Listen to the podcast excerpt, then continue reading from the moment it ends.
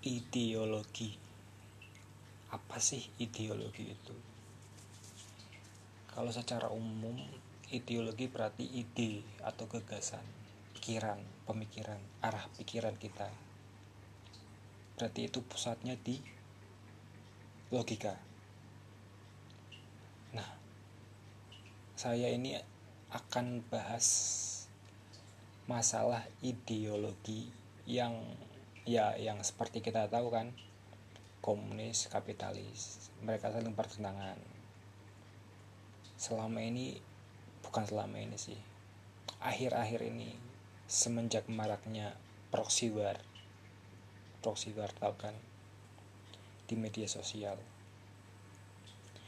banyak bermunculan akun-akun yang mengatasnamakan sosialis, komunis, pancasilais, nasionalis. Nah, se sebenarnya apa sih yang yang dikendaki oleh pemilik akun itu?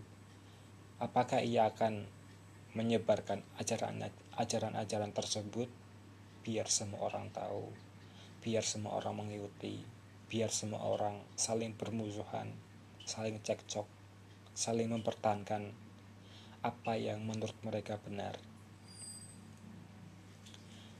ada satu persamaan sih antara ideologi dan agama. Misal ya, dalam Islam, Islam itu menganggap selain Islam salah. Islamlah yang paling benar. Itu sama kayak ideologi. Penganut komunisme, sosialisme, anarkisme, kapitalisme, liberal, liberalisme mereka semua menganggap bahwa ajaran yang mereka yakin itu benar, yang yang lain salah, yang lain harus ditundukkan, kalau bisa dimusnahkan. Ya mustahil. Kenapa mustahil? Kita nggak bisa memusnahkan yang namanya pikiran, keyakinan, konsep berpikir, arah pikiran Kenapa? Ya karena mereka maksudnya ya karena mereka mereka yang saya maksud itu ideologi pikiran ya. Ya karena mereka nggak akan bisa mati. Mereka akan selamanya hidup.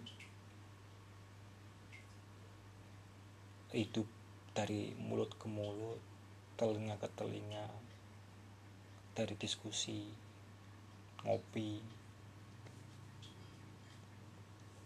terus yang yang saya pertanyakan kenapa mereka kekeh mempertahankan ajaran anarkisme komunis sosialis kapitalis liberal, liberalis sesuai dengan kehendak pemikirnya?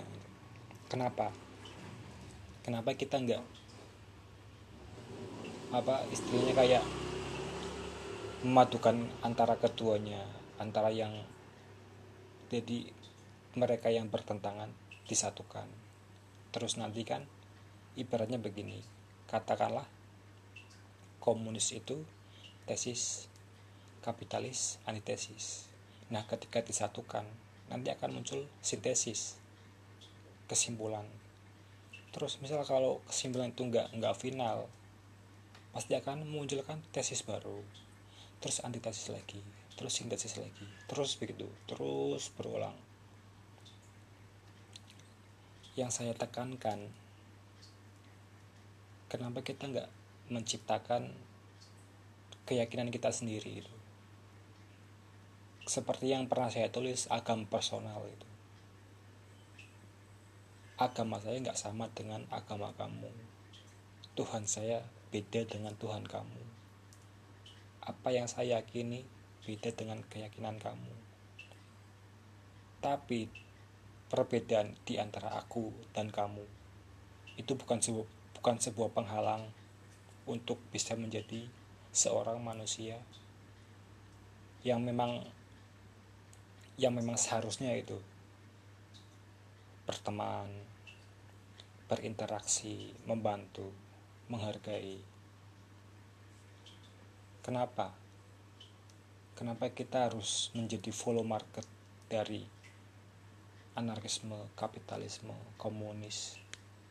Kenapa kita nggak keluar dari zona itu? Kenapa kita nggak berani mendobrak mendobrak istilahnya kayak mendobrak penjara yang yang memang umat manusia itu disekat dipisah kotak dalam kotak-kotak gitu? Kalau misal kita nggak bisa mendobrak itu semua. Lalu gunanya manusia merdeka itu apa? Ya kan? Manusia merdeka berarti harus harus berani berani, berani memberontak. Salah katakan salah benar katakan benar. Tapi walaupun kita punya versi benar dan salah tetap tetap saja itu masih relatif karena apa? Karena orang lain belum tentu menganggap apa yang kita anggap benar adalah benar. Mereka punya orang lain punya perspektifnya sendiri